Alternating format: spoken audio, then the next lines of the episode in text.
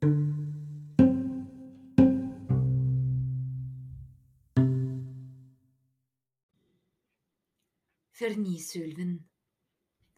Edvard prøvde å løpe fram, men prins Valmon holdt han igjen. I øyekroken fikk Edvard øye på noe i beltet til vetten ved siden av. Kaptein Rystviks stemahak. Lynraskt skjøt han ut armen og rev til seg indianerøksen. Så, før vettene rakk å stoppe han, slynget han den sidelengs. Kaptein! Kaptein Rystvik smalt albuen i ansiktet på en forfjamset vette før hun snappet det med haken ut av luften. Så stupte hun framover. Akkurat idet kong Uvuzel løftet sigdene til nådestøtet. Det sang i stål da kapteinen parerte slaget fra sigdene. Den ene sigden hektet seg fast i øksen, og kapteinen røsket den ut av hendene til kongen. Deretter langet hun ut mot ansiktet hans, men da øksehodet var en neselengde fra kongens panne, skjøt en svart hånd fram og grep kapteinen rundt håndleddet. Det var prins Valmon. Han dro øksen ut av hendene til kapteinen og hamret håndflaten inn i brystkassen hennes. Kapteinen trav bakken hardt og ble liggende. Bli nede, hveste prinsen. Denne tvekampen er over. Han snudde seg mot faren sin og bukket. Far, jeg… Kongen frådet av raseri. Raskere enn øyet kunne oppfatte, traff håndbakken hans kinnet til sønnen. Klasket fikk det til å gå et gisp gjennom de andre vettene. Du våger å avbryte tvekampen, freste kongen. Tilgi meg, far, stotret prinsen og tok et ustøtt skritt bakover. Men hun ville ha drept deg. Sludder, ropte kong Uzel. Tror du disse usle menneskene er noen utfordring for kongen av sverthetene? Prins Valmon knelte i snøen foran faren. Jeg tenkte ikke, far, hvisket han, tilgi meg. Kong Uzel snøftet foraktelig og plukket opp sigdene fra snøen. Ynkelig, sa han og hekte dem på plass i slirene under isbjørnpelsen. Men du har rett, tvekampen er over. Han snudde seg et øyeblikk mot kaptein Rustvik, som lå på ryggen i snøen. Du har et raseri i ditt indre, sa han og studerte kapteinen. Ulvens raseri. Et veldig offer til Fenris. Edvard rykket til. Hvordan kunne kongen vite dette? Røde ulv hadde indianerne kalt kaptein Rustvik. Hun hadde selv fortalt at hun stammet fra berskerne, vikingskrigere som visstnok kunne forvandle seg til bjørner og ulver. Eller i hvert fall hadde hun deres villskap. Kong Uzel hadde lest kapteinen som en åpen bok. Kaptein Rysvik prøvde å si noe, men ble i det samme trykket opp av noen svartvetter. Edvard selv kjente sterke hender mot ryggen. Gabriel var fremdeles litt ustø der han kom seg på benet men professor Wolf støttet han. Faren ga Edvard sitt typiske trassige smil. Om det var noen som gikk i døden uten frykt, så var det han. En av svartbettene snerret en kommando på et merkelig språk og skubbet Edvard framover. Prinsen Valmon så ut til å ha kommet seg av sjokket og bjeffet noen ordre til de andre vettene. Idet Edvard passerte han, møttes øynene deres i et intenst sekund. Kjempemot, sa Edvard, lavt, men innstendig, før prinsen slo isblikket vekk. Foran dem lå gruveåpningen som et svart gap i alt det hvite. De skulle dypt under jorden Gruvegangen som arbeiderne hadde gravd ut, ledet inn i en større tunnel med glatte vegger. Var det vettene som hadde skapt disse tunnelene? Eller var det gudene selv, da Fernisulven ble innsperret? Hundrevis av ansikter, skåret ut av grunnfjellet, stirret på dem fra alle kanter. De var som fortapte sjeler fanget i fjellet dødsmasker med flekkede tenner og tomme øyne. Edvard kjente hårene i nakken reise seg. Han følte det som om han var på vei ned til dødsriket. Helheim, som vikingene kalte det. Professor Wolf studerte ansiktene med barnslig iver. Hadde han glemt hva slags skjebne som vendte dem? Han kastet et blikk på Edvard og nikket som for å si Jeg er glad du er i live. Edvard nikket lydløst tilbake. Etter å ha vandret nedover en stund kjente de en kjølig bris. De nærmet seg nok enden av tunnelen. Noen meter foran dem så Edvard Kong Uvisel stoppe foran en hvelving i fjellveggen. Kongen nølte et øyeblikk før han steg gjennom åpningen.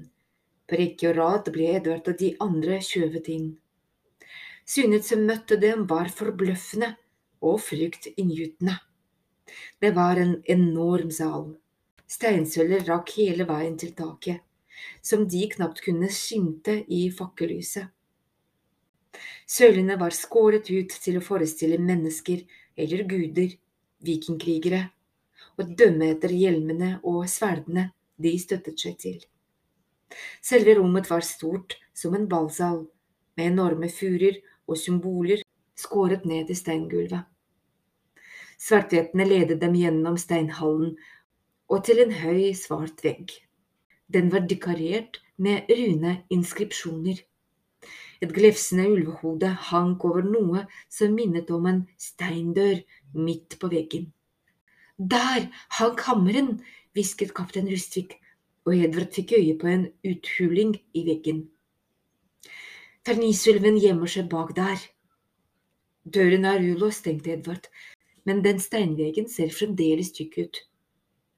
Kong Kuvizel signaliserte til svarthetene. De skjøv og skubbet Edvard og de andre fangene sånn at de ble stående på linje bak kong Kuvizel.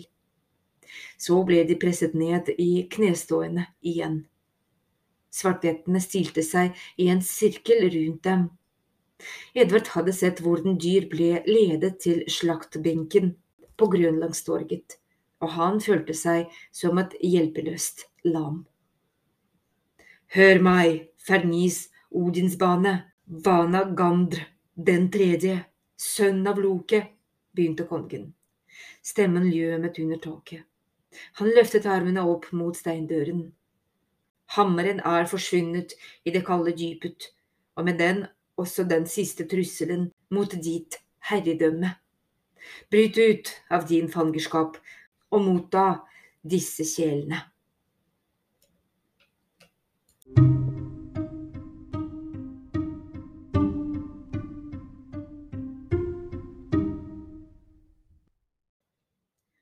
I det samme kjente Edvard en trykkende smerte bak øynene.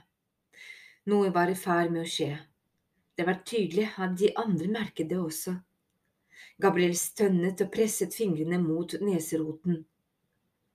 Ja, herre, ropte kongen ekstatisk. Jeg kjenner kraften din. Bryt ut av ditt fangenskap og krev disse ynkelige sjelene som dine egne. Smerten på utsiden av skallen ble verre og Edvard kjente tårene presse seg fram ved øyekroken. Med ett åpenbarte en tynn, loddret stripe seg midt på veggen, tvers over innhullingen hvor hammeren hadde hengt. Et skarpt fiolett lys trengte ut av den snortynne sprekken. Edvard husket det forferdelige lyset fra professorens sølvskrin, kjelefangeren. Dette lyset var kraftigere. Sprekken ble bredere, Lyset brente i øynene. Han knep dem sammen og lente hodet mot det kalde steingulvet. En stemme eksploderte i hodet hans. Selve stemmen. Jeg er fri! Da Edvard igjen åpnet øynene, så han at lyset hadde opphørt. Steindøren hadde åpnet seg til hver side. I øredovende taushet stirret de alle sammen mot døren. Hva slags uhøre ville vise seg? De så en bevegelse i mørket. Edvard holdt pusten. Noen eller noe kom ut av fangehullet. Men det var ingen gigantisk ulv som den Edvard hadde sett i professorens bok. Det var en mann. Han var drapert i en slags svart kjortel med en dyp hette over hodet. Det var som om det var selve mannen millionen som steg ut av fangerskap. Sakte, nærmest svevende som et spøkelse. Ingen lagde en lyd. Edvard så hvordan kong Uzel tok et steg bakover. Var han redd? Det var så stille at kammeret til Edvard kunne høre mannen snakte fotsåler mot steingulvet, og kjortelen som feide rundt han. Da skikkelsen nådde fram til dem, etter det som føltes som en evighet, falt kong Uzel ned på knærne foran han. Herre, sa han mens han stirret ned til steingulvet. Endelig er du fri fra gudenes fangerskap. Ingenting kan hindre deg i å erverve din rettmessige trone i denne verdenen. Kongen over de underjordiske rasene. Menneskehetens ødelegger. Edvard dristet seg til å se på den svartsvøpte mannen. Han kjente frykten bre seg som il i kroppen da han så ansiktet som gjemte seg under hetten. Ansiktet var svart som olje, mye mørkere enn de gråaktige vettene. Det var langt og spist, skrå og smale nesebor som hos et dyr, og øynene, øynene han hadde sett før. Først i Østerdalen, da trollkongen stek opp av jordsmonnet, og senere i Skagerrak, dypt nede i Kjørmens underjordiske bol. Det var som rød, glødende kull. Han var fernisulven, den tredje av søsknene, og målet deres var tydelig nå. De ønsket at Ragnarok skulle komme. De ønsket en ny og bedre verden for dem selv. De ønsket en verden uten mennesker, en verden der de underjordiske hersket.